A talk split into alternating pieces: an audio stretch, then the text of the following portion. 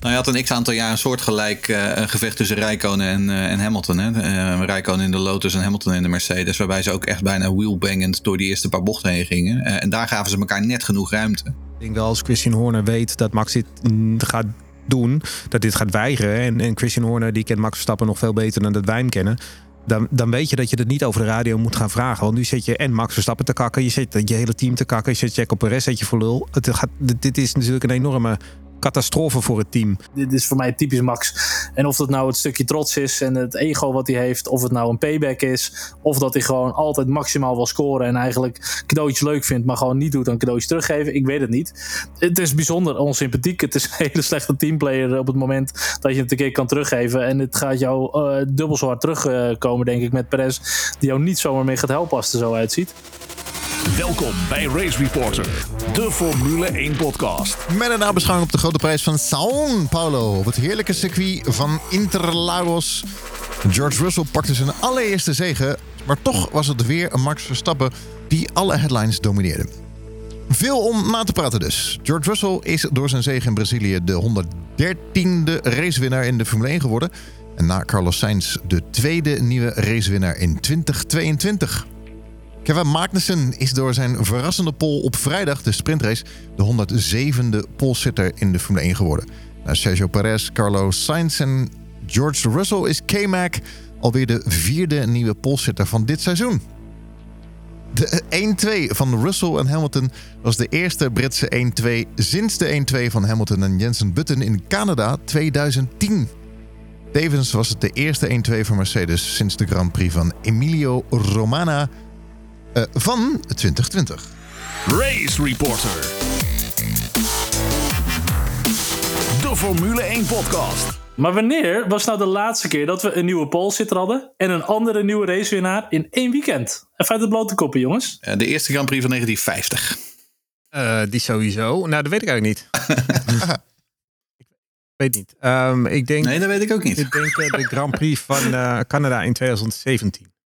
Nu denken jullie allemaal, nou, wie was dat dan? Ja, ik heb geen idee. Ik doe zomaar een race. Ja, doet gewoon, ik doe gewoon wat. Random ja, ik heb geen idee. Ik wil het zeggen. Ja. Ik weet het Twitter ook weet alles. Twitter weet alles. Nou, laten, oh, we de tweeps, uh, laten we de tweeps het opzoeken. Die, hebben de... die Charles die weet toch nooit wat van ja, Oké, okay, we laten ons adviseren. Oh, seizoen 6. Ik wil Lucas tegen zitten vandaag met twee Jeroens. En Charles is er weer bij. En dat is te merken. Hey. Charles, marketing director tegenwoordig. Zie ik in het ook. Hey. Eigenaar Kart Kings. Ja, hij is gepromoveerd hè, van manager naar director. Ja, weet ik niet. Geef het een naam. En website uh, Trackside Legends. Ook nog. Leuk dat je er bent, Charles. Ja, vind ik ook. En, en voor alle luisteraars ook natuurlijk, uh, denk ik. Hoop ik. Autosportschrijver. Ja. Boek Formule Hopeloos komt in uh, januari uit. Dat is al heel snel. En uh, plus ja. schrijver van Volgas. Een nieuwe Volgas is ook uitgekomen. Nou, die komt deze week, ja, ja inderdaad. Die is uh, ongeveer nu, denk ik, geland bij uh, de verschillende PostNL-stations. Uh, en dan gaat de, de, postbode die gaat dan op zijn fiets en met in zijn fietstas jouw nieuwe volgas. en als je nog geen abonnee, geen abonnee bent, want natuurlijk iedereen is een abonnee, maar Oh ja. uh, maar je kunt hem uh, vanaf later deze week uiteraard ook uh, in de winkel en bij de kiosk vinden. Eh, en in die nieuwe volgas staat ook een voorpublicatie uit mijn nieuwe boek Formule Hopeloos. Ja, ja en als mensen, als mensen zo'n blauw vinkje op Twitter kunnen kopen, kunnen ze ook een editie op Volgas Magazine kopen. Dat dacht ik. En dan kun je eigenlijk gewoon mijn nieuw boek kopen, lijkt me. Uh, Maar als je dan die nieuwe volgas hebt, dan staat er in die volgas ook nog een speciale lezersaanbieding. Waarbij je dan ook nog een beetje lekker extra korting krijgt. Korting. Dus ga die nieuwe volgas halen, jongens. Friday korting. Uh, ja. Jongens Schotten. Ja. MotoGP. Ik heb uh, mijn huiswerk niet gedaan, want het seizoen is ook voorbij. Dus ja, dat, dus er valt niet over, niets over te vertellen. Er was geen race. Kom ik mooi mee weg. Ja. Geen race. Ga je, nee. ga je het missen? ja. Ja, ik denk, ja. We missen, we missen Twitter-legende, missen we in zijn bio. Twitter-legende? Toch wel echt een Twitter. Ja, ja, ja gewoon als Arjen Schouten, die had jij toch ooit oh, Twitter-legende oh, genoemd? Dat zou kunnen, ja.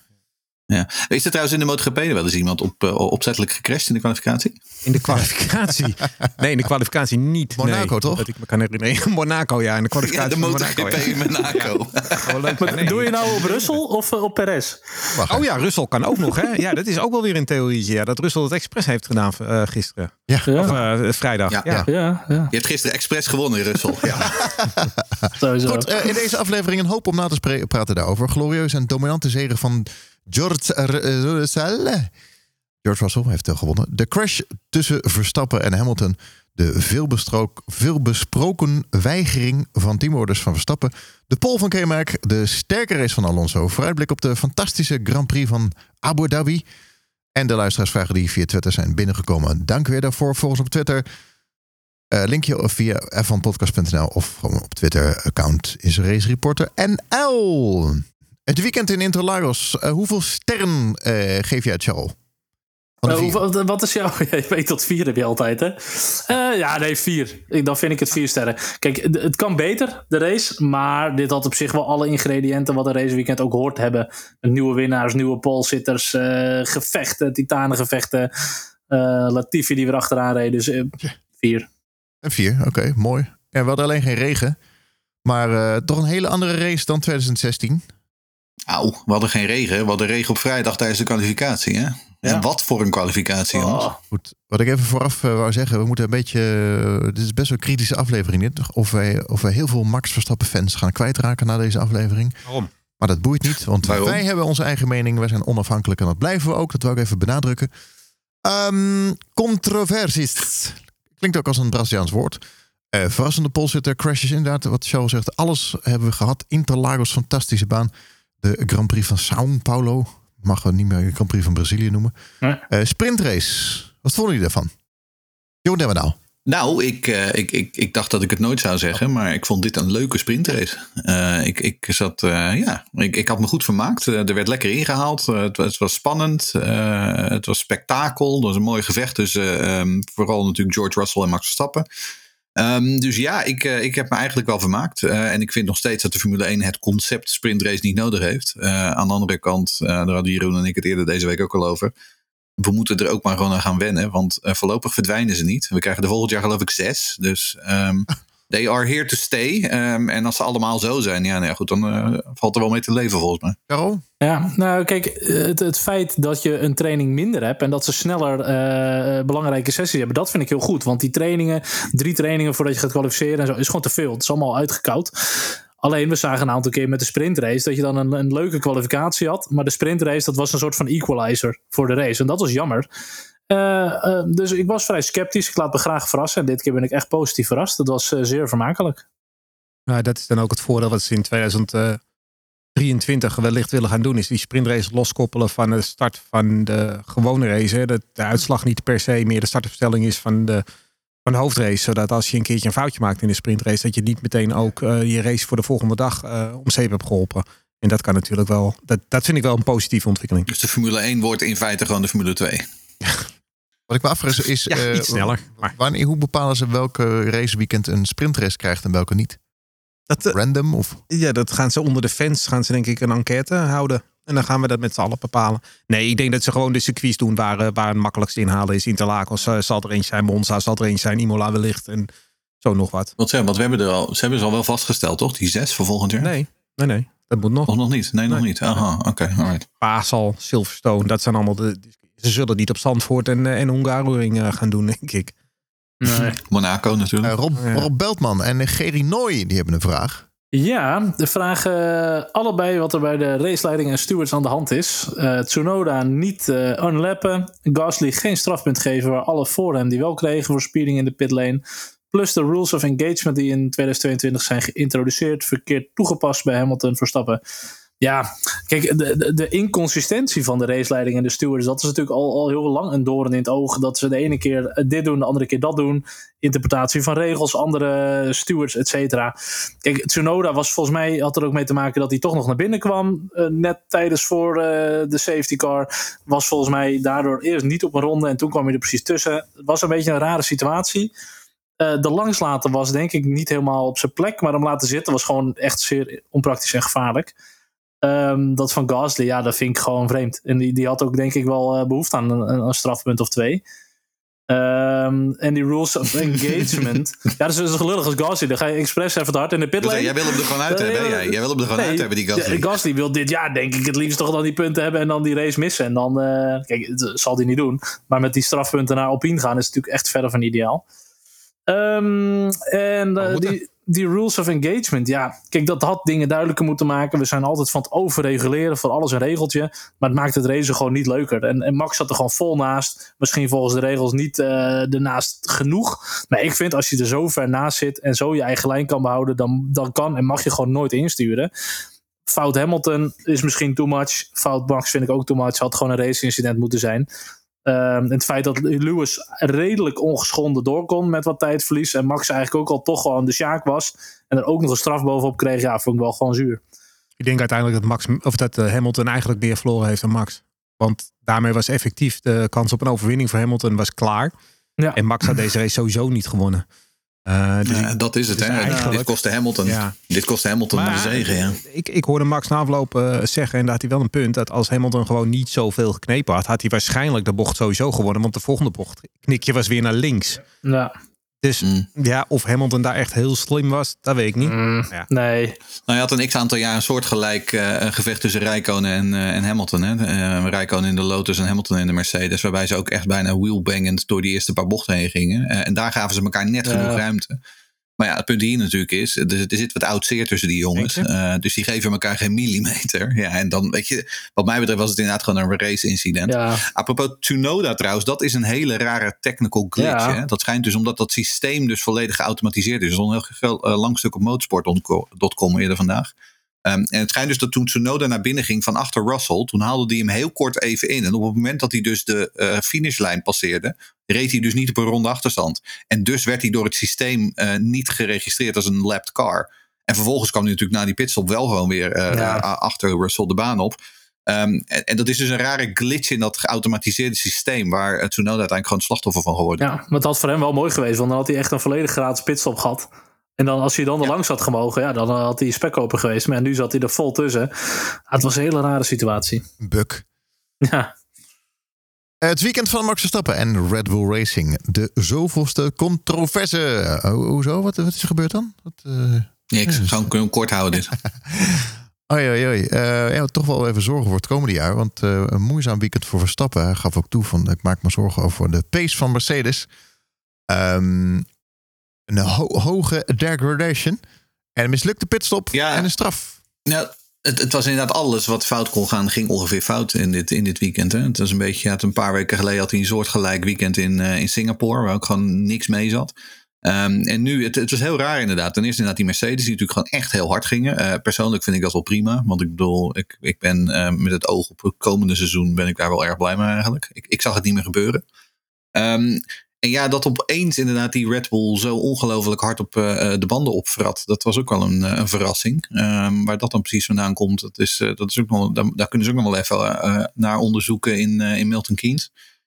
ja, en nou ja, goed. En dan vervolgens dan krijg je dus die, ehm, die mislukte pitstop. Je krijgt vervolgens die, die, die aanrijding natuurlijk met Hamilton, waardoor je een straf krijgt. Ja, en hij griep hij daardoor de hele wedstrijd achter de feiten aan. Vervolgens trouwens ook Sergio Perez, die natuurlijk gewoon uh, echt gewoon, die, die safety car, die viel helemaal verkeerd voor hem. En die was vervolgens een sitting duck in die slotfase, dus die viel ook nog verder terug. Nou, en dan kom je dus uiteindelijk bij de controverse uit, um, waarbij inderdaad hè, de, de, de kwestie over teamorders al dan niet. Dus um, ja, het was wat dat betreft voor Red Bull, um, ze hebben alle titels al binnen, maar het was geen heel lekker weekend. Nee. Ik moet wel zeggen over die, uh, die, die, die bandensluitage, want dat was inderdaad opmerkelijk hoeveel bandensluitages ze hadden, terwijl ze dat afgelopen weken juist steeds niet hadden. Uh, de laatste keer dat ze zoveel problemen hadden met bandensluitage was in Oostenrijk. En dat was gek genoeg ook een sprintweekend. Ja. Dan weten we dat, dat, dat ze bij Red Bull heel vaak uh, van vrijdag vrij trainingen gaan doen. En dan gaan ze s'nachts en s'avonds gaan ze in die simulator op Milton Keynes gaan ze veel aan de slag. En dan doen ze zaterdag nog wat aanpassingen. En dan heb je natuurlijk niet een sprintweekend. Dus misschien dat ze toch daar een wat andere ja. indeling, opbouw van een weekend moeten gaan doen of iets. Want het is wel opmerkelijk dat ze twee keer achter elkaar in een sprintweekend dezelfde degradatieproblemen hebben. Ja, en dan, dan hoop je nog een beetje van, hey, wat, misschien gebruiken ze die medium even in de sprintrace. Viel misschien niet zo goed met die temperatuur. Maar dan hebben ze een extra setje in de hoofdrace. Dus dat zou nog wel goed kunnen komen. Maar ja, daar kwamen we ook aardig bedrogen uit zo. Uh. Nou, daar had ik een vraag over van uh, onze trouwe luisteraar Joost Landzaat. Um, die zei van ze gingen bij Perez over plan B, waarna het niet echt best ging met hem. Um, dus hij vraagt zich af, had Hanna Schmitz uh, een weekend vrij af en hadden ze iemand van Ferrari ingehuurd als vervanger? Uh, want ook in de sprintrace was de strategische keuze van Red Bull niet zo sterk. En dat heeft dan vooral met die mediumbanden te maken, die uiteindelijk gewoon de, slecht, de verkeerde keuze bleken te zijn. Ehm, ja, nou, ook dat is een ding. Uh, wat we natuurlijk ook normaal gesproken bij Red Bull zijn ze sterker op het strategische vlak. Maar ook dat le leek hier gewoon. Ze hadden net even een off-weekend. het was gewoon ja, across the board. gewoon een, een, een, matig weekend voor Red Bull. Nogmaals, ze kunnen het leiden, want ze is natuurlijk een straatlengte voorsprong voor in het WK. Maar um, ja, ik, we, we, mogen wel hopen voor volgend jaar in ieder geval dat het, dat het hierbij blijft. En dat dit geen schering en inslag gaat worden. Uh, Ronald, F1-fan, heeft ook een vraag. Ik weet niet of Ronald een blauw vinkje heeft op Twitter, maar hij heeft een vraag. Ja, hij vraagt als je Max een beetje volgt, was dit te verwachten. De eerdere no in Singapore, het gevecht met Ricciardo en Baku. Daarnaast lijkt het al besproken binnen het team en toch vragen ze het. Of zie ik dit nu verkeerd? Um, ja, ik was er echt totaal niet, uh, niet onverbaasd, zeg maar. Uh, dit is voor mij typisch Max. En of dat nou het stukje trots is en het ego wat hij heeft, of het nou een payback is, of dat hij gewoon altijd maximaal wil scoren en eigenlijk cadeautjes leuk vindt, maar gewoon niet doet dan cadeautjes teruggeven. Ik weet het niet. Maar um, het is bijzonder onsympathiek. Het is een hele slechte teamplayer op het moment dat je het een keer kan teruggeven. En het gaat jou uh, dubbel zo hard terugkomen, denk ik, met Perez. Die jou niet zomaar meer gaat helpen als het er zo uitziet. Ja, ik, uh, het, was, het was echt een uh, mega fiasco dit, dit uitpakte. Nee, het is niet verbazend. Absoluut niet. ik denk dat Ronald wat dat betreft spot on is. Ik bedoel, als je, als je Max Verstappen een beetje gevolgd heeft. ja, die gaat gewoon voor ieder punt. Um, en... en ja, het, het, zit er gewoon niet zo in. Um, en er werd wel eens een vergelijking gemaakt op Twitter gisteren ook uh, vergeleken met Senna. Want ja, Senna die zou ook over lijken gaan. Nou ja, maar Senna die liet ooit wel Gerrit Berger een wedstrijd winnen in Japan. En zo zijn er nog wat meer voorbeelden te noemen. Maar ja, Max Verstappen geeft inderdaad geen cadeautjes. Um, en in dit geval je, valt wat voor te zeggen uh, dat Sergio Perez uh, nou, wat support verdient van, van, van Max Verstappen. Omdat hij natuurlijk de afgelopen twee jaar eigenlijk vrijwel onafgebroken een hele trouwe adjudant geweest is. Um, maar ja, aan de andere kant, het, nee, het verbaast me ook weer niet zo heel erg als je zijn karakter een beetje, een beetje kent en een beetje gevolgd hebt. Ja, inhakend op die vraag van, van Ronald moet ik wel eerlijk zeggen. Van, want hij zegt ook, het lijkt al besproken binnen het team en toch vragen ze het. Dat, dat vind ik wel een opmerkelijk ding inderdaad. Want ik denk wel als Christian Horner weet dat Max dit gaat doen, dat dit gaat weigeren. En, en Christian Horner die kent Max Verstappen nog veel beter dan dat wij hem kennen. Dan, dan weet je mm. dat je het niet over de radio moet gaan vragen. Want nu zet je en Max Verstappen te kakken. Je zet je hele team te kakken. Je zet Jaco Perez zet je voor lul. Het gaat, dit is natuurlijk een enorme catastrofe voor het team. Wordt ook wel wat uit proporties geblazen hoor. Want we hebben in het verleden het tal van coureurs gezien die teamorders hebben geweigerd. Dus we moeten het ook weer niet. Uh, we moeten het wel een beetje. Maar hmm. het is niet snugger van het team, vind ik. Nee. Nee, nou, en, en de, de, borrelt, de borrelt wel wat onder, de, onder de oppervlakte natuurlijk. Uh, Dennis Broekhart die vraagt ook: Boys, denken jullie dat Christian Horner dit recht kan uh, Of is de dynamiek in het team nu echt aangetast? Zelfs als Verstappen Perez volgende week in Abu Dhabi uh, wel helpt. Nou ja, dit is de kwestie. Wat zegt dit over de verhoudingen binnen Red Bull? Um, ook richting 23. Kijk, want het is wel overduidelijk. Verstappen is de baas hier. Hè? Uh, dat is ook natuurlijk met die hele kwestie rond, rond Perez. Hè. De eerste keer dat Perez uh, praatjes krijgt en, en Max Verstappen publiekelijk de kakken zet, dropt er opeens een verhaal over dat hele Monaco-verhaal. Nou, dat is wat mij betreft. Ik, ik denk niet dat het toeval is. Um, want Verstappen is de baas. Zoveel ja. is duidelijk. En daardoor kan Horner ook niet zoveel. Want Horner kan niet zeggen van nou, hè, want op een gegeven moment las ik gisteren iemand van ja, nee, ze moeten een signaal sturen en Max Verstappen niet opstellen in Abu Dhabi. Dan denk ik van ja, ja hoor, de tweevoudige wereldkampioen, wat denk je zelf? Dat gaat natuurlijk niet gebeuren. Dus wat kan Horner nou eigenlijk doen? Dat is de grote vraag. Kijk, en dan, wat kun je inderdaad afvragen? PS twee jaar lang heel trouw geweest. Nou, en dan komt er, en doorgaans heeft Verstappen Perez helemaal niet nodig. Dat is natuurlijk gewoon zo, want doorgaans is hij gewoon sneller. Maar net als hè, zoals we dit jaar in, in, eh, Barcelona gezien hebben, zoals we vorig jaar in Abu Dhabi gezien hebben. Er komt in 23 geheid een moment dat Verstappen een vriendendienst nodig heeft van Perez. Nou, is Perez dan nog steeds welwillend om dat te doen? Dat is de grote vraag. Um, en, ik, en, en het feit dat Horner gisteren ook op de radio kwam en zijn excuses aanbood aan Checo Perez, geeft voor mij wel aan dat hij zelf ook al weet dat hij een netelige situatie uh, on his hands heeft. Nou, Checo heeft natuurlijk wel het nadeel dat zijn contract niet verlengd wordt op het moment dat hij het weigert. Hè? Dat hè. Ja, kijk, misschien wel. Wat voor mij heel belangrijk is, is, vergeet niet dat Perez, en ik denk echt letterlijk bijna meer dan welke tweede rijder ooit, echt is binnengehaald als tweede rijder, letterlijk om Max te hmm. helpen. Hij zit er niet om kampioen te worden op basis van zijn talent. Hij zit er gewoon bij de gratie van Red Bull als een soort van uh, uh, hulp die Max kan helpen om kampioen te worden. Uh, hij heeft natuurlijk wel in die periode rond Monaco had hij een best wel goede streak. Max had even wat mindere. Dus misschien had hij toch in één keer wat kampioenschapshoop. Of hij nou oprecht gecrashed is of niet, I don't know. Daar ga ik ook geen uitspraak over doen. Maar ik kan me wel voorstellen dat Max eventjes uh, zoiets had van... jongen, we gaan hier nu niet de kampioenschapskandidaat uithangen... want dat gaat hem niet worden. Dus ik ga je even op je plek zetten. En als ik je daar nog een keer op kan pakken... ga ik je dat ook echt even doen. En dat heb ik aangegeven. En dat gaf je ook meteen na de finish al soort van aan dat besproken was. Um, ja, ik vond hem wel heftig hoor. Hé. Ik vond hem wel heftig. Maar, ja. maar, maar, maar. Ja? Uh, vergeet even één ding. Perez staat nu wel gelijk met uh, de nummer 2 in het kampioenschap. Daar ging het om hmm. namelijk. Van laat Perez voorbij voor het kampioenschap. Ja, we hebben nu nog maar één race te gaan. En straks is nou ja, Perez niet derde of niet tweede in het kampioenschap. Nou ja, en het feit is natuurlijk ook... het feit dat ze nu gelijk staan in punten... betekent ook dat Max Verstappen in Abu Dhabi eigenlijk niet zo gek veel meer kan doen. Um, want uiteindelijk is het voor Perez gewoon zaak om voor Leclerc te finishen. Ze kunnen, weet je, er is geen, niet echt een scenario waarbij die in die zin... Uh, um, zolang die er maar voor zit, maakt het niet uit of die voor of achter Verstappen finisht. Dus het is veel belangrijker dat hij voor Leclerc zit dan dat hij, uh, dan dat hij eerste of tweede wordt. Ik, ik vind wel qua, qua hiërarchie in het team gaat dit niet zo heel veel veranderen. Kijk, nu hebben we deze week, zal er intern veel gesproken worden, zal er wat spanning zijn en alles dingen meer. Maar we weten allemaal, hè, degene die er altijd langer Formule 1 kijken, Multi 21 mm. weten we allemaal. uiteindelijk, eh, Vettel zat daar ook fout en uiteindelijk kiezen ze gewoon voor Vettel. Want daar hebben ze meer aan dan aan Webber. En dat is nu precies hetzelfde. Ze zijn gewoon afhankelijk van Max. En daarbij kunnen we natuurlijk niet om het hele Monaco-verhaal heen. Want Charles durft het niet zo hard te zeggen. Maar inmiddels heb ik toch ook wel zoveel data en geluidsbeelden en, en, en, en een plaatje gezien. dat ik het wel een heel aannemelijk verhaal vind. Ook gezien de reactie van Max. Dat hij zegt: voor hem is het nu klaar. En in Abu Dhabi zal hij wel aan de kant gaan. Ik vind het een heel plausibel verhaal. Ik geloof het ook wel. En. Um, uh, dat kan nog wel een staartje hebben van de FIA uit. Hè? Want, want, want als er wat mensen zijn die daar intern uh, bij hebben gestaan, uh, die dat gehoord hebben. opzettelijk crashen, dat mag uiteraard niet. Er zijn in het verleden ook best wel straffen voor uitgedeeld. En daar kan wel een onderzoekje komen. En de FIA kan ook over die datagegevens beschikken en over al dat soort dingen meer. Dus het kan nog wel gevolgen hebben voor Red Bull dit. Ja. Ja.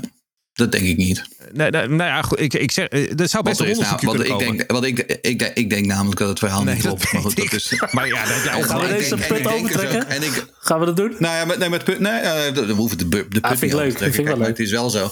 Weet je, het is natuurlijk ook als Red Bull uh, op zijn op falie krijgt als gevolg van deze kwestie, dan, heeft, dan hebben ze even stappen zichzelf daar ook mee. Dus ik bedoel, kijk, dat ze dit verhaal naar buiten gooien, uh, of dat dit verhaal naar buiten komt, precies op dit moment. Nogmaals, ik denk niet dat het toeval is. Um, maar dat is ook gewoon vooral, is het wat mij betreft een powerplay. Om even te, inderdaad te zeggen van weet je, hé jongen, we hebben nog wat vuile was over je, zeg maar. Um, en op het moment dat jij te veel praatjes krijgt, ja, dan, uh, dan, zorgen we dat dit, dan zorgen we dat dit de eten haalt. Maar ik denk niet dat hier uh, voldoende in zit voor de FIA om daadwerkelijk uh, actie te kunnen ondernemen tegen Red Bull. Want anders was dat denk ik al gebeurd. Um, en als er wel daadwerkelijk iets zit waar je actie over kunt ondernemen, dan lek je dit niet. niet. Dus ik, ik, ik geloof niet dat het, uh, dat het zo uh, serieus zal, uh, zal worden. Even te kijken, als je het vergelijkt met voetbal. Bedoel, hoe vaak gaat er mm. iemand voor een eigen doelpunt en zegt er ja, ik geef je geen voorzet en hoor er nooit het over. Nu hier op zijn achterste poot, omdat Max Verstappen niet aan teamorders doet. Nee, maar daarom zeg ik ook, het wordt er wat overtrokken. Hè? Want er zijn natuurlijk in het verleden ja. zoveel teamorders geweigerd. Hè? Max Daarom. zelf ook natuurlijk, maar er zijn er ook wel meer. Hè? Dus, uh, en, en ook heel veel onsportieve dingen. Hè. Ik bedoel, ik weet Hamilton nog. Of uh, nee, Alonso nog, die Hamilton uh, blokkeerde in de, in de eigen pitstraat als teamgenoot. We hebben natuurlijk in 1989 in Imola gehad. Senna die Prost in de eerste bocht inhaalde, terwijl dat niet de afspraak was. En er zijn zoveel van dat soort momenten ja. van onsportieve daden. En mensen ook die zeggen van ja, dat gaat altijd tegen Max werken. Dat is ook gewoon lul, want dit gaat allemaal... Het, uiteindelijk wint hij de volgende race weer. En dan is hij weer het mannetje, joh. Dat waait allemaal weer over ook, joh. Ja, maar PR-technisch is dit wel een drama-jaar voor Red Bull. En dan win je alles. Ja. heb je alleen maar relletjes en controversies en ellende over je heen, zeg? Nou ja, ik denk dat jouw eerdere punt, waarom, als je nou weet inderdaad dat je hier intern al wat gezeik over hebt gehad, waarom ga je dan nog zo pontificaal op de radio zitten en vragen aan Max Verstappen of die alsjeblieft Sergio Perez even voorbij wil laten? Ja. Dat is ook niet zo handig. Um, kijk, en dan voor Perez inderdaad, die dan vervolgens publiekelijk het karakter van Max Verstappen in, eh, in, in twijfel trekt. Ja, ik bedoel, dat is ook niet helemaal lekker, hè? Nee. Um, dus nee, wat je zegt, het is, het is uit PR-oogpunt. Ik bedoel, uiteindelijk, ik bedoel, eh, als je kijkt, waarvoor zijn Jos Verstappen en Raymond Vermeulen nog steeds in die, in, die, in die paddock? Ja, die zijn daar om de belangen van Max Verstappen te behartigen en om het merk Max Verstappen te beschermen en de reputatie van Max Verstappen te beschermen. Ja, ik bedoel, op deze manier, dat gaat niet zo heel lekker. Maar geloof je echt dat zij PR-technisch gewoon een of ander verhaal uit een blik hebben getrokken over Perez En eh, op die manier verspreiden via Coronel en Van Haren. En Van Haren om Nou, eigenlijk laat- laat- Perez in een slecht daglicht te kunnen zetten. Of de aandacht van Max weg te halen.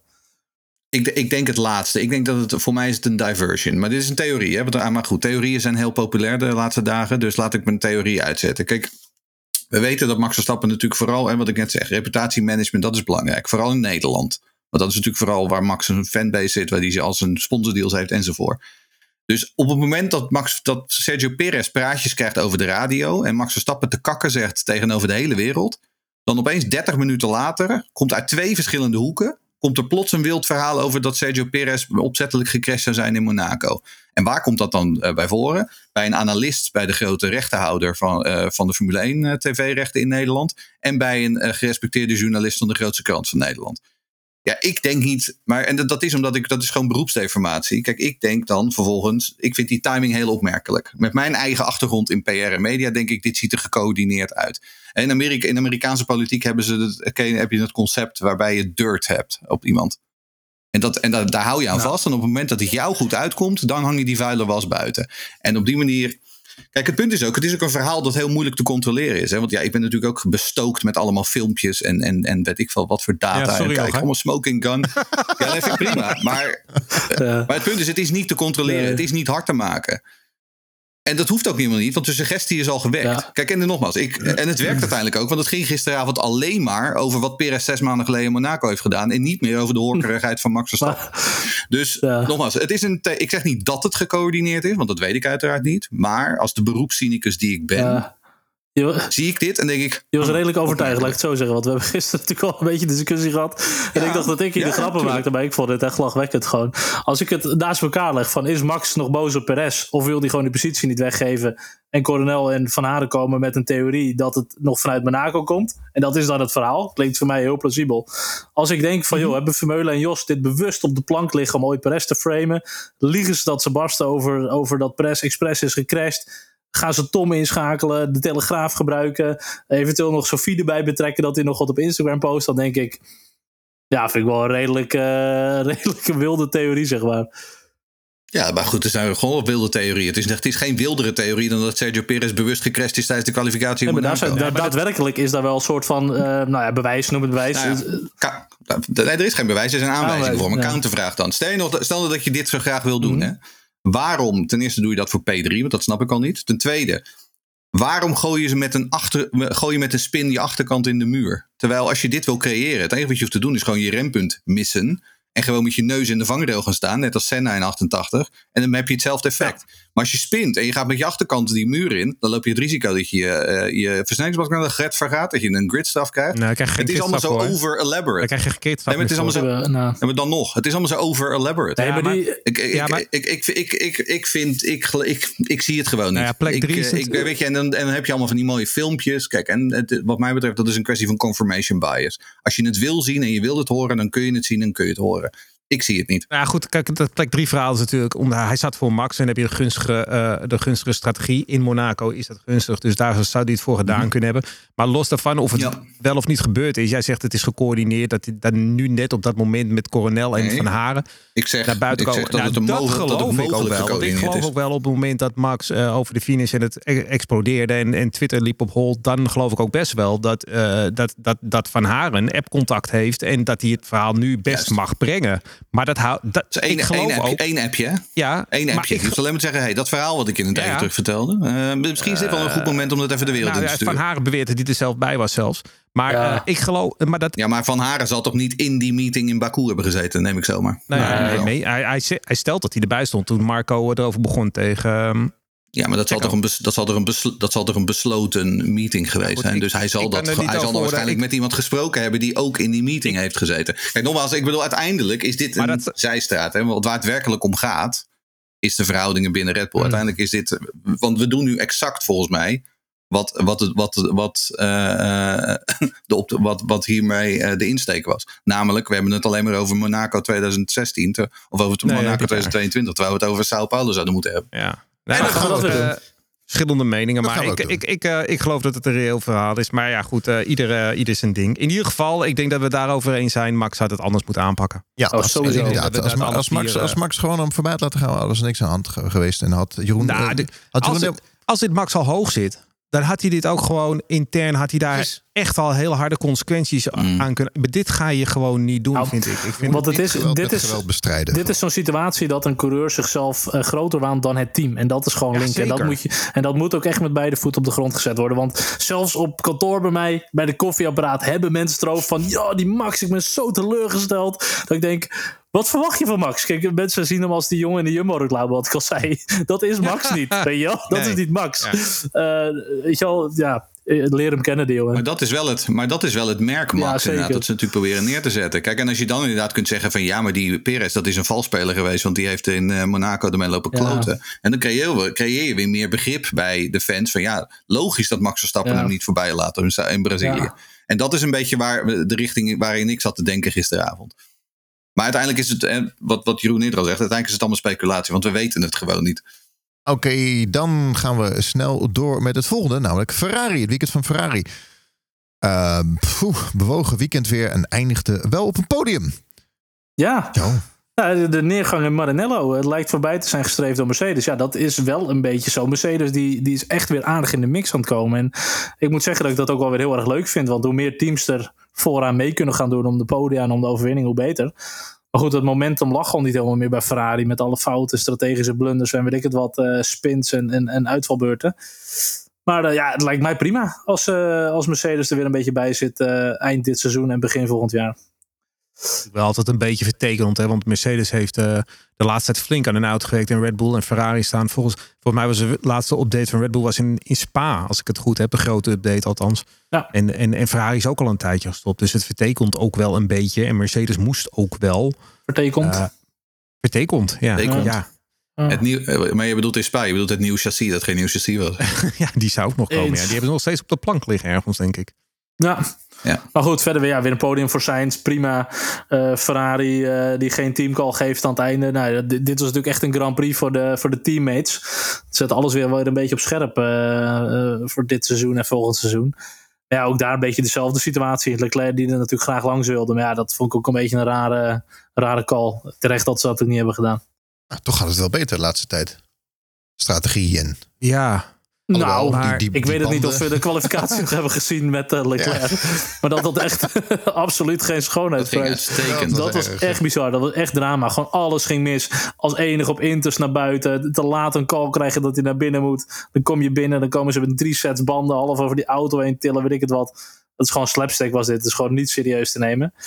Dus eh, nee, ik, we- vond zo, ik vond sowieso uh, Sainz een podium afpakken voor, voor dit, voor de tweede plek in een WK. Dat vind ik nog wel een ding hoor, moet ik Nee. eerlijk zeggen. Dat zou ik niet zo snel doen als teambaas. dat kan je niet maken. Nee. Nee. En verder, ja, Dat Leclerc had dat wel een. wel opmerkelijk Leclerc gevonden. had in de hoofdrace wel een dat mooie comeback. Die natuurlijk eigenlijk in de muur eh, raakte. Na een touché met eh, Norris. En die uiteindelijk zich nog echt prima heeft teruggevochten. Goed gedaan. Ja, ik dacht Ja, echt... allebei die- natuurlijk. Want ook Sainz, want ook Sainz werkte zichzelf gewoon goed naar voren uiteindelijk. Ehm, en wat dat betreft, bij, in die zin werkt in die, de strategie nu wel gewoon goed. Zoals het zou moeten. Bizar, want, eh, Met Leclerc was echt bizar. Want ik riep thuis nog van... eh, nou ja, Checo Perez is tweede in het WK. Want eh, Leclerc die stond echt met zijn neus in die vangrail. Ik denk, nou, die is Ja. helemaal klaar, joh. En die, die rijdt gewoon weer terug de baan op. En die rijdt gewoon weer lekker door. Die Ferrari is wel stevig. Ja, Leclerc had gewoon voor de winst moeten gaan vechten met die auto eigenlijk. En eh, Leclerc had gewoon een beetje top 10 moeten finishen eigenlijk. Ja, uiteindelijk is het goed voor elkaar, eh, Ferrari. Redelijk goed. Ja, ja, goed, ja. eh, ja, maar ja, goed voor elkaar. Ja, kijk, aan het begin van het team waren ze, of aan het begin van het jaar waren ze het sterkste. En dat zijn ze gewoon, zijn nu het derde team. Dus ja. Mm. Ja. Ik, ik, ik zie nog, ik, ik moet heel eerlijk zeggen, ook als ik naar 2023 kijk, ik zie in dit team nog geen wereldkampioenschapsteam. Ook al dat ze een snelle auto hebben, hè, die hebben ze in de basis en die zullen ze volgend jaar ook wel hebben. En zullen ook wel weer races gaan winnen en al dat soort dingen meer. Maar ik zie in het geheel, zie ik gewoon bij Mercedes en Red Bull, die staan zoveel niveaus hoger dan Ferrari. En, en dat is gewoon bij hun echt gewoon een structureel iets. Nou ja, je, de, de kwalificatie, dat was weer echt zo'n zo'n voorbeeld, ja. Maar hoe is het mogelijk? Ja, bizar. Wekkend. Eh, het weekend van Mercedes, ze zitten er weer goed bij.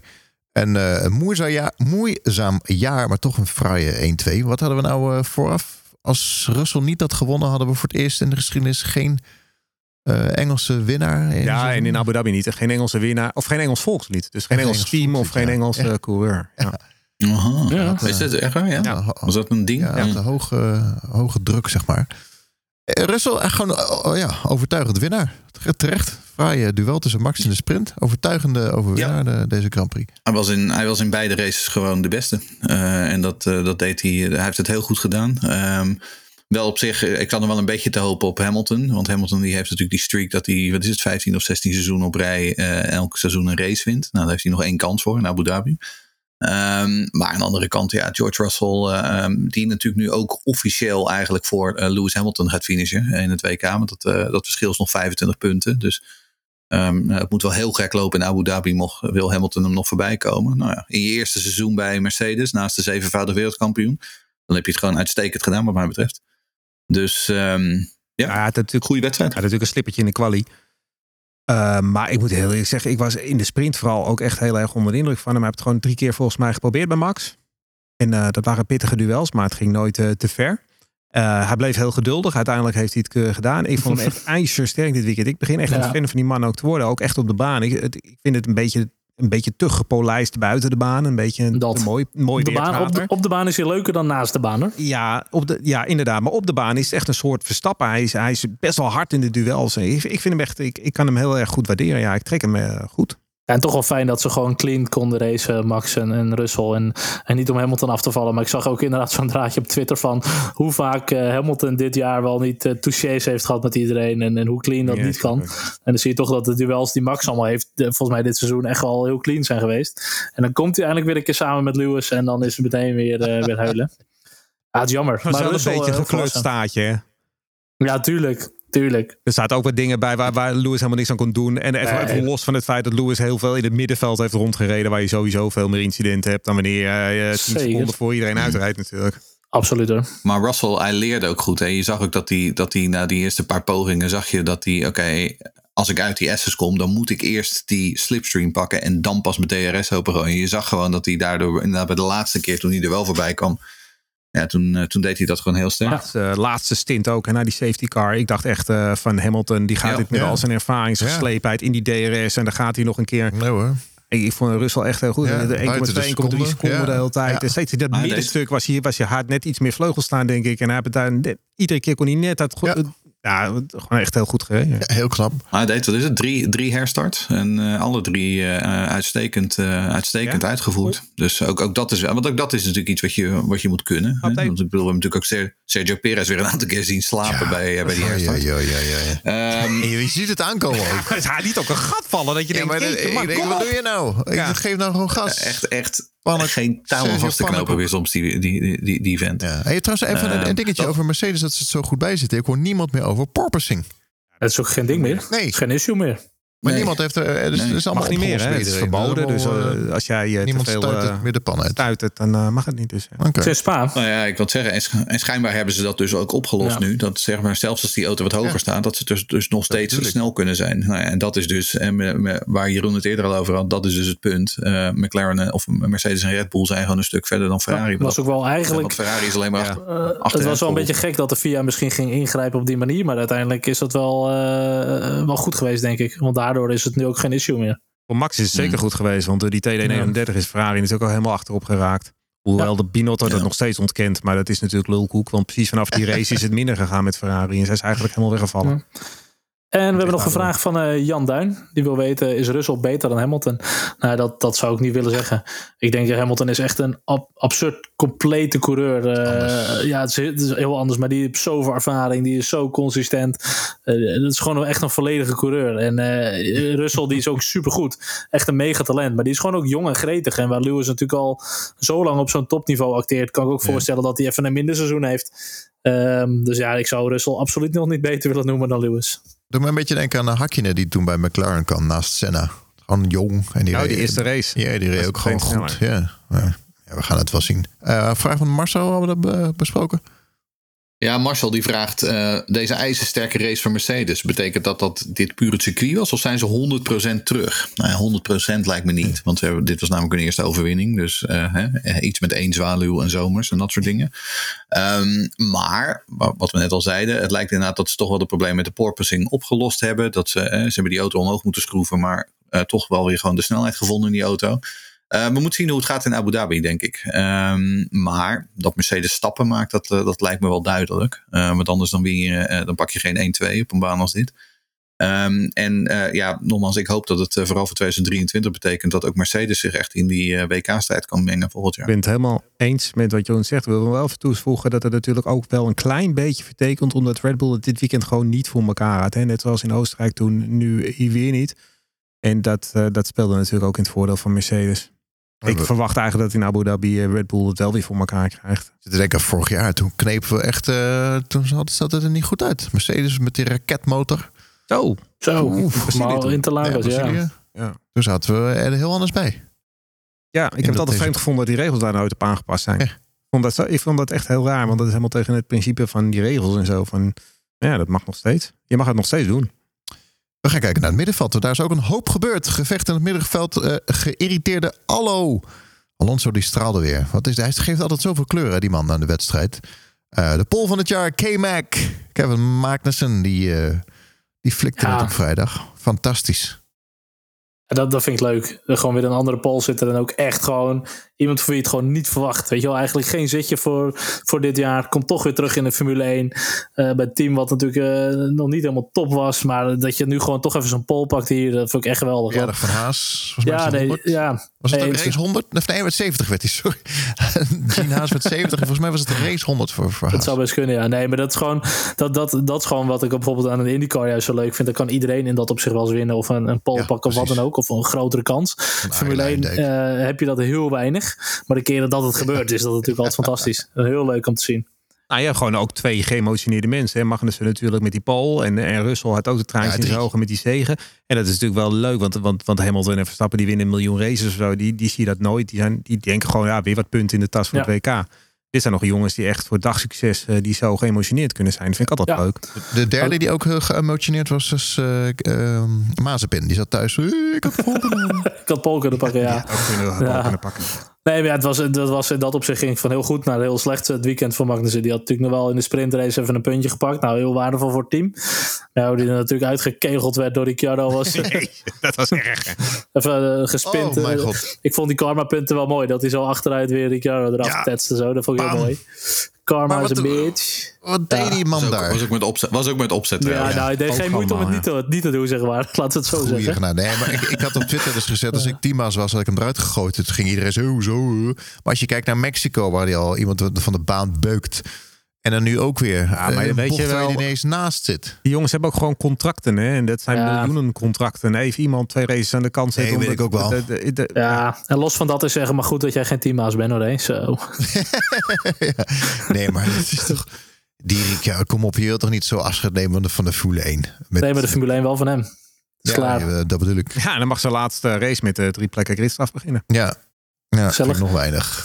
Ah, goed. Mag hij in Qatar staan? Dan hebben we uh, Alonso in topvorm. Maar het is klaar met Alpine en Ocon. Ja, de, de ik vind Alonso sowieso altijd leuk. Het is echt zo'n oude, ja. sluwe vos is het altijd. Die, joh, dan rijdt hij zelfs nog tegen Ocon aan op een gegeven moment. En geeft hij Ocon nog de schuld. Maar oh, dat ging ook maar net goed tussen die twee Alpines. Zo, met Alonso die al al uh, driftend buiten de baan kwam. Die kan net niet eraf en vrede. Gewoon, oh man. Maar altijd te wachten op de boordradio. Voor wat gaat hij zeggen? Ja, kijk, het probleem van altijd. Alonso is... Die gast is natuurlijk gewoon gigantisch toxic binnen een team. En die gaat ook nooit lekker weg. Het is natuurlijk gewoon... Eigenlijk is het gewoon een gigantisch vervelende man. Maar ook dat is net als zo Max. Het zijn echt op en top topsporters. En ik vind dat mooi om te zien van buitenaf. Maar het lijkt me oervervelend om met die man samen te werken. Ja, ja ik uh, herken mezelf er wel in, uh, Charles. Ja, vertel. Oervervelend. Je wilt samenwerken met Charles. Oervervelend gewoon. Een oude sluwe vos ben je gewoon. Uh, ja. ja. Ja. Oh, oh, oh. Maar goed, ze hebben wel goede punten Die gescoord. boordradio, die, die boordradio van Ocon was ook wel lekker trouwens in die slotfase.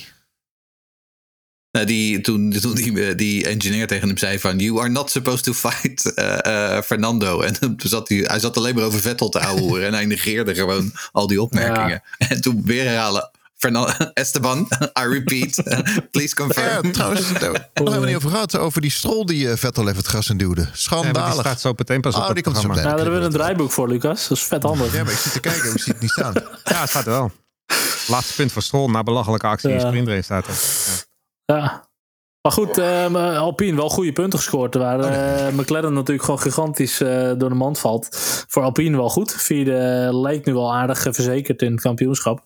En dat levert natuurlijk wel luttele miljoenen op voor het Franse team. Leuk voor ze. heel blij voor ze. McLaren. Hebben we in principe al gehad. Maar, In de eh, dubbele DNF. Norris in dezelfde bocht, hè? Ja, Wat was er aan de hand? Ja. Motor kapot? Ja, auto deed het niet stuk. meer. Hij was gewoon stuk. Maar McLaren heeft wel een, een beetje een probleem zo natuurlijk. Eh, ik hoop dat het volgend jaar wel wat beter gaat. Maar ook daar, ja, ik weet het niet. Ze lijken ook een beetje het momentum kwijt. Een beetje de vibe Ja. kwijt. Het is, eh Ik denk dat, nee, eh, meh, meh. Ik, ik, Ja, het opmerkelijke is wel, zeg maar, dat een paar races terug was het Alpine die de hele tijd stuk ging. En nu was het allebei de, de McLaren's die eruit klappen. ik denk dat eh, Piastri daar wel voor een goede energie kan gaan zorgen. Dat kan soms met zo'n Ja. jonge jongen met eh, grote kwaliteiten... die ook Norris weer eh, eventjes onder druk gaat zetten. Ja. Dat kan wel echt, eh, echt helpen. Ik denk ook dat ze dat nodig En hebben. ja. En Piastri is ook gewoon heel goed. Ja, maar en, en dat moeten we ook niet vergeten. We gaan het zo meteen nog hebben over het WK. Maar McLaren staat natuurlijk nu een uh, vrachtladingje punt achter op Alpine. Maar ze hebben gewoon een tweede rijder nodig. Hè? En dat is gewoon het grote probleem daar geweest.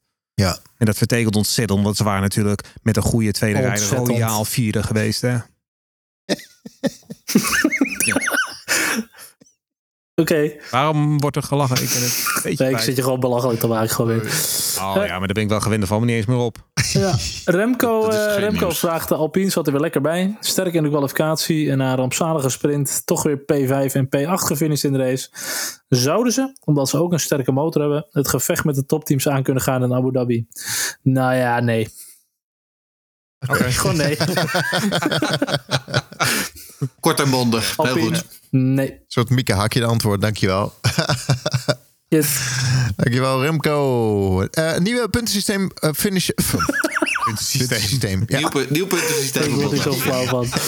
Maar Bottas, ehm. Bottas zat goed in de mix. Die zat, die zat echt een beetje subtop. eh, eh, die, die zat er gewoon lekker bij. Die eh, zat een beetje te kijken wie er allemaal voor hem wegvielen. Iedereen die, eh, die eraf ging en een probleem had. En Bottas die ging gewoon lekker door.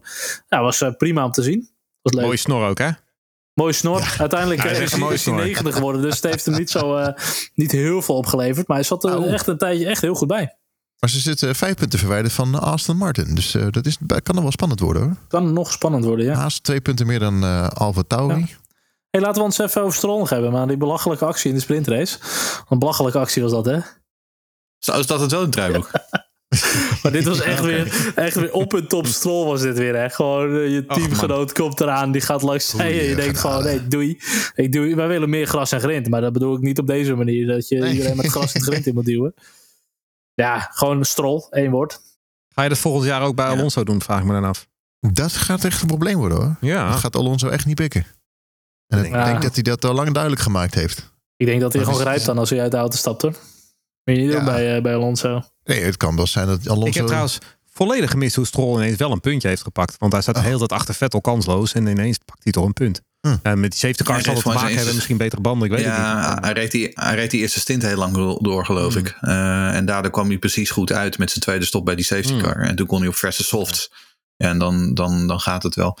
Eh, Ja. Maar ja, hij mist race-intelligentie. Ja, dat is gewoon het probleem. Is hij eigenlijk een contract? En dat, dat, en dat, dat kun je niet. Met zijn vader. Nou, ja. dat is het mooie. Stroll wordt nooit officieel aangekondigd als Nee. nieuwe coureur. Maar is dat eh, dan bij Aston de, Martin. de Hij enige coureur in de geschiedenis die een onbepaald tijdcontract heeft?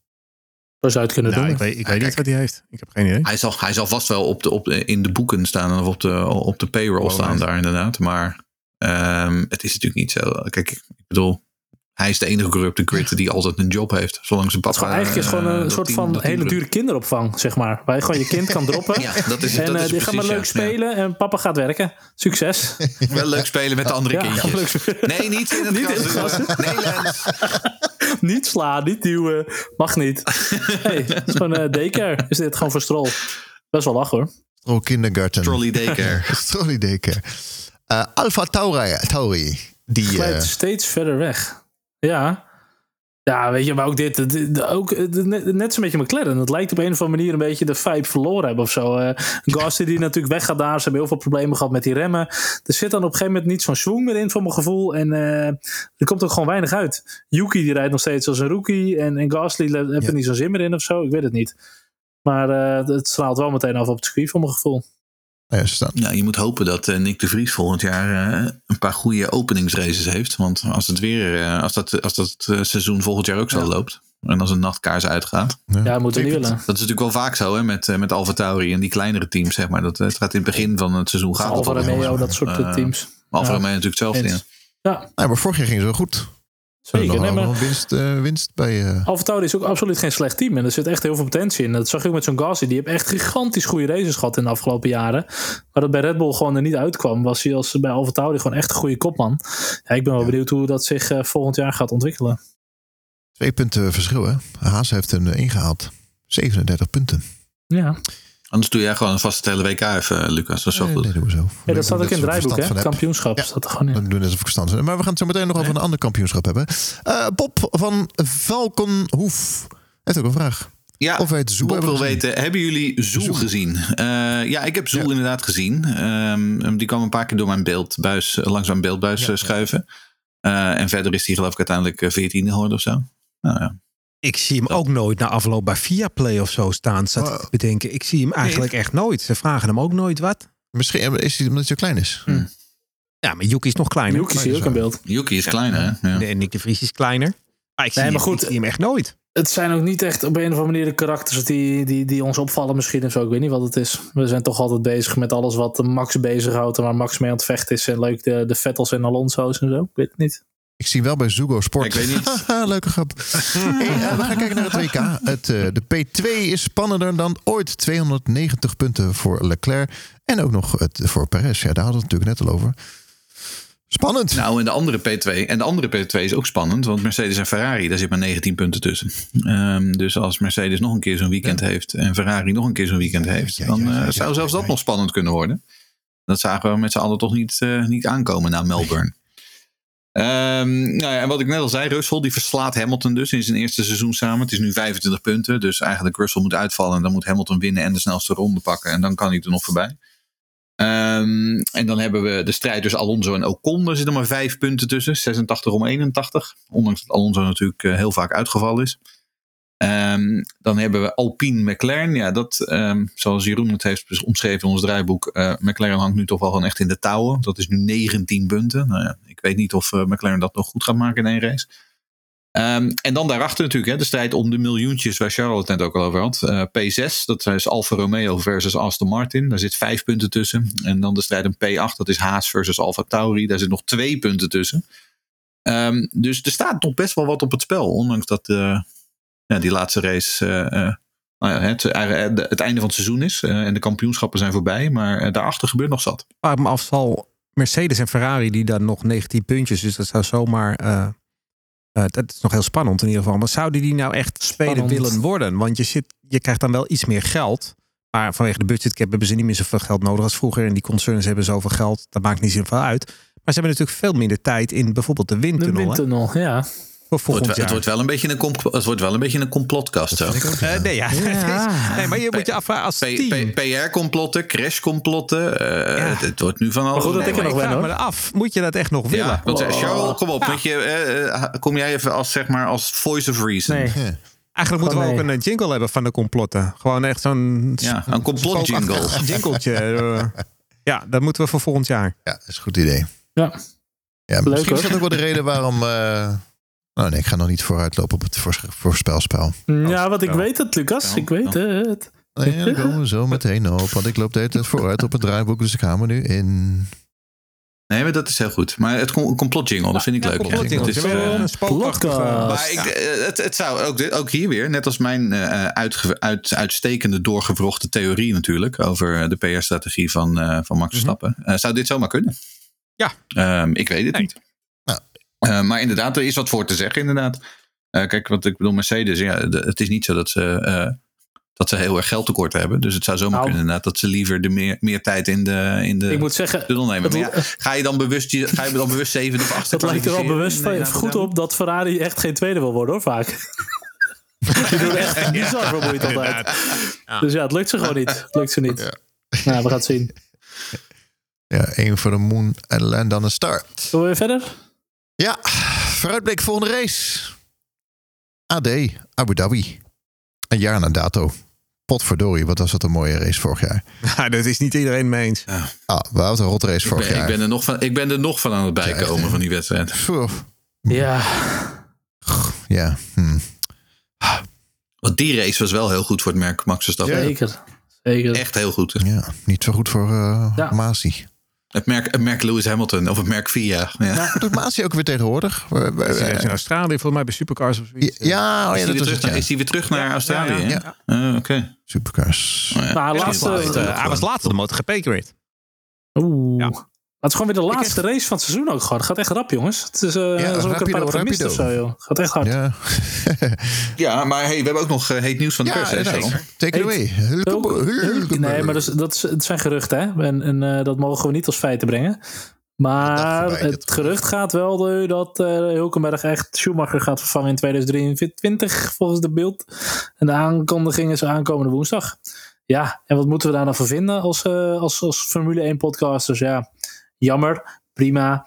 Hopen dat hij dan toch nog een keer een podium pakt eh, in die lange carrière van hem. Ja, was er geen beter talent? Dat zijn een beetje de dingen waar ik aan denk. Hashtag lood om oud. Ja, dat komt wel door eh, wat jullie zeiden, Magnussen. Omdat Magnussen er nu is, hebben we echt goed vergelijkingsmateriaal. Van hoe goed is Schumacher nou? Dat, eh, Dat heeft hij ook niet gedaan. Maar wat, wat, Nou wel echt een nadeel voor hem is, is hij heeft wel heel veel auto's afgeschreven. Hè? Ja. Hij is Ja. ook de coureur. Ik zag een Ja. tijdje geleden dat staatje, dat was twee, drie races geleden. Maar hij is de coureur met veruit de meeste schade van alle coureurs. Hè? Miljoenen. Vorig jaar ja, ook al, hè? letterlijk. Ja, vorig jaar ook al. Vorig jaar eh, schreef hij, was het niet in Monaco Ja, toen en was het aan weer, weer Monaco, hè? Weer Ja, was Monaco. expres toen. Was expres Ja. toen. Maar ik, Schade, schade Duitsland. ik moet wel zeggen dat in Formule 2 werd hij juist toen volgens mij kampioen. Omdat hij juist zo consistent was en weinig fouten maakte. Maar in de Ja. Formule 1 zie ik Ja. daar helemaal niets meer van terug. En, en Ja, uit, uit die hele grote klap in, eh, in Jeddah, toch? ook? Ja, hij had natuurlijk ook wel een onhandelbare haas eh, een tijdje. Dat, eh, dat hielp natuurlijk ook niet mee. Maar goed. Nee, nou, dat was natuurlijk ook zo. Maar ja, aan de andere kant, en dan zit je er nu Hulkenberg in. Ik bedoel, er was vanmiddag op, iemand op Twitter die zei tegen me van ja, die, die, eh, die Duitse sponsor, dat 1 plus 1, dat is dus geloof ik een Duitse verzekeraar of zo. Eh, die willen graag een Duitse coureur in die auto hebben. Dan denk ik van ja, dat zal dan Vettel. wel. Maar ja, maar ja, goed. Maar, maar ik, ik weet niet of, of dat dan, is dat dan echt zo belangrijk? Want ik bedoel, ze hebben al een hele andere grote nieuwe sponsor binnengehaald. Dus ik bedoel, ga, laat je dan een, een, een relatief kleinere Duitse sponsor eh, do- eh, dicteren Ja. welke coureur je in die, in die auto ja, bij Haas wel. Ik weet het niet. En ik weet ook niet of je met Hulkenberg nou echt, of je daar nou heel veel wijzer van wordt. Want ze hebben al een ervaren rijder. Ehm, weet je, weet ik veel, bel Callum Islet op of zo. Ik vind, of, eh, eh, of, huur, of huur Drugovic in. Die Ik vind ook. Magnussen en Hulk eh, naast elkaar op zich wel weer grappig. Weet je, de twee Nee, maar ik, ik denk, Jeroen, je hebt wel gelijk. Ik denk dat het ook gewoon marketing is. Ik denk dat het daarom helemaal niet waar is, dit. Schumacher is toch een grote naam. Ja. Nee joh, nee, dit is wel waar. Ja? Als, ja, Beeld Nou, in, de, volgens in, de, wel. in de- En het gaat over Schumacher, Duitsers. ja, en Beeld is wel goed in geïnformeerd. Nee, dit is wel Nou, waar. dat, nou ja, maar dat is het inderdaad, ja. Dat, dat is het inderdaad. Ehm, hè, net als in Nederland, Telegraaf en Max Verstappen. Ja. Dat meestal klopt, dat klopt dat gewoon. ja. Ehm, dus ja, nee, dat, ik, ik denk inderdaad dat het gewoon gaat gebeuren. En Schumacher zit natuurlijk al een tijdje op die, eh, op die En. Hulkenberg gaat het gewoon redelijk netjes doen. Want die gaat niet zoveel schade rijden als, als Schumacher. En die gaat het gewoon netjes doen. En Nee. hij zal nooit een podium pakken. En dat doet hij nog steeds niet. En hij zal eh, ja, vergelijkbaar aan Magnussen zijn. Maar het is niet, Ach. het is niet verheffend. Ik lach me wel krom trouwens als hij nu in die haas wel een podium pakt. Maar Dat dat zou fantastisch zijn, ja. Nou, dan verdient hij wel echt een staande ovatie, moet ik eerlijk Oh, zeggen. wat was dat zuur hè, toen eh regenrace in eh Die was al zuur. Dat Ja. hij hem, ja, ach, ach, ach. Anyway, herinneringen Abu Dhabi. Ja, ja, ja. Ik heb er maar één. dit, is, dit is ieder jaar een probleem geloof ik, Ja. toch? Of Nou, niet? dit keer, ik weet er nog wel eentje. Oh, echt? Vertel. Ja. Nou, Rosberg, hè? Die werd Ja, opgehouden Rosberg, door ja. Hamilton toen in eh, Oh, ja. 2016. Ja, ja. Ja. helemaal naar achteren. En toen Ja. kwamen Vettel en eh, Verstappen nog erop en Ja. zo. Ja. Ja. Toen was Lewis ook niet sportief om zijn team Verder zou ik er geen één kunnen opnoemen hoor. Nee, ik moet wel zeggen, nee, helemaal niks. Vorig Nee. jaar is er ook niks gebeurd. Niks Ik moet gebeurd wel voor de zeggen, dat circuit is wel iets beter geworden vorig Ja, jaar. zeker. Met die, eh, dat was, het is wat sneller gemaakt. Wel, dat heet, Ja. Maar Weet je, heel slechte bocht in. het blijft gewoon een beetje het probleem van de hedendaagse Formule 1. Ik ben ook al geweest bij de Grand Prix Abu Dhabi. Het zit natuurlijk allemaal eh, heel mooi, helemaal niks mis mee. Maar er is ook niks waarvan je zegt: hey, super vet of mooi. Of een mooi, mooi land, mooie, mooie cultuur of mooie historie of mooi iets gewoon. Nee. Nee. Nou ja, En pracht en praal is er. Heel veel pracht en ik vind het gewoon jammer dat het ook de sluiter is. Lampen. Ik sprak gisteren Ja. iemand die zei: zo jammer dat Brazilië gewoon niet de laatste Grand Oh. Prix is. dat vind ik echt. Australië als opener en Brazilië als eh, Ja. laatste race is voor mij echt Ja. gewoon the way to go. Zo hoort het. Ja, meant to be. Ja, of Australië is laatste race. Maar ook. Eh, verwachtingen. Ja. De laatste race, jongens. Dag Ik heb, eigenlijk niet succesjes. zoveel, ik heb eigenlijk niet zoveel verwachtingen. Gaat Alpine voor McLaren finishen? Ik denk van wel. Ja. Ja, tuurlijk. Gaat Aston Martin Alfa nog eh, inhalen? Gaat Alfa Tauri Haas nog inhalen? Ik denk het en niet. nee.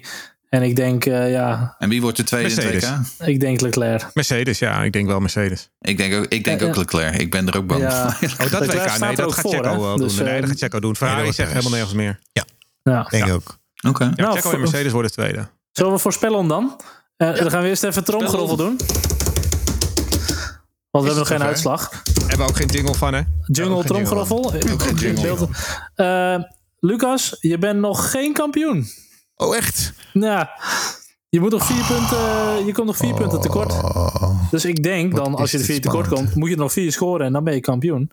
Eh, en ik denk dat ik dus eigenlijk gewoon een nagenoeg foutloze voorspelling moet gaan doen voor de volgende race. Ja. Dus begin maar, eh, Lucas. Maar ik heb me er niet op voorbereid. Ik denk dat ik, jij zei dat ik al gewonnen had. Dus ik heb niet. er me niet op voorbereid. dit is mijn. eh, dit, is, dit is Vermeulen en eh Jos Verstappen hebben dit gedaan. psycho- Ja, psychologische is oorlogsvoering slim, hier. slim van je show.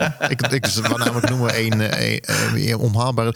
Ehm Potjandori. Ehm ik denk Lewis wint. Dan Verstappen, Russell en Stroll. Oké, nou dan ga ik eh, voor ehm, Verstappen, Hamilton, Leclerc en eh, Norris op 10. Ik ga voor Verstappen, Hamilton, Checo, Perez. En op 10 eh, doe ik eh ja, Stroll. Eh, Hamilton, Verstappen, Perez en eh, weer Magnussen. Ja. Cool. Oké. Even kijken hoor. De volgende Grand Prix. Wat 20 november. uh, eh, weersvoorspelling? Hebben die al gedaan, Lucas? In Abu Dhabi. Ja, maakt Ja. niet uit. Donker, dan zeg je gewoon donker Regen. of zo. Ik zeg gewoon weer regen. Want ik heb gezegd, we gaan, nog, Sunny een en regen, we gaan nog twee regenraces krijgen, heb ik gezegd. Hè? Ik had er één, had er één gelijk, regenraces. geloof ik. Hm. Eh, wie weet. Het kan allemaal. Abu Dhabi Grand Prix, 20 november de race. De kwalificatie is op zaterdag om drie uur. Eh, en de race is om, om twee uur op zondag. Abu Dhabi, leuk. Race Reporter wordt mede mogelijk gemaakt door een aantal leden. Twee gouden leden. Frank Thewe, dankjewel. Roos Zinnige, zilver. Karin, Niels, Christa, Remco Zoon, Rodi Rabouw, Maarten Ewertse, Kevin Rijmert, Ewert Albrecht, Menno van der Veen, Jarno Dijkstra, Jasper Heijmans, Jan-Joos Volmer, dankjewel. Hugon Elbersen, Ron Hazelenbach, Niels de Jong, Bas van Bodegraven, Rens Verberne, Martin Fortuyn, dankjewel. Menno Turksma, Alex Nijenhuis, Ramon Kok, dank je. Perry van der Bree, Rob van der Voogd, René Bakker, Frank van Dijk, Remco Wolfswinkel, El Erwin van den Heuvel, Huub van den Oever en Jaap. Allemaal super bedankt. Jullie houden de podcast in de lucht. Een aantal eenmalige donaties gekregen van Annelies Bier, dankjewel. Ties Roodhart, super bedankt. Luc Wenink en Harry, super bedankt. Wil je ook lid worden? Naar f1podcast.nl voor premium account. f1podcast.nl Heren, dank Mooi. jullie wel weer. Leuk dat we weer met z'n allen bij elkaar waren. Ja, leuk. Heel gezellig. Dankjewel, Cheryl. Ja, de zwarma Met staat de aan, dus ik ben er wel zo vandoor. Maar was heel gezellig. Met veel knoflook of welke, wat voor sausje Ah, jazeker.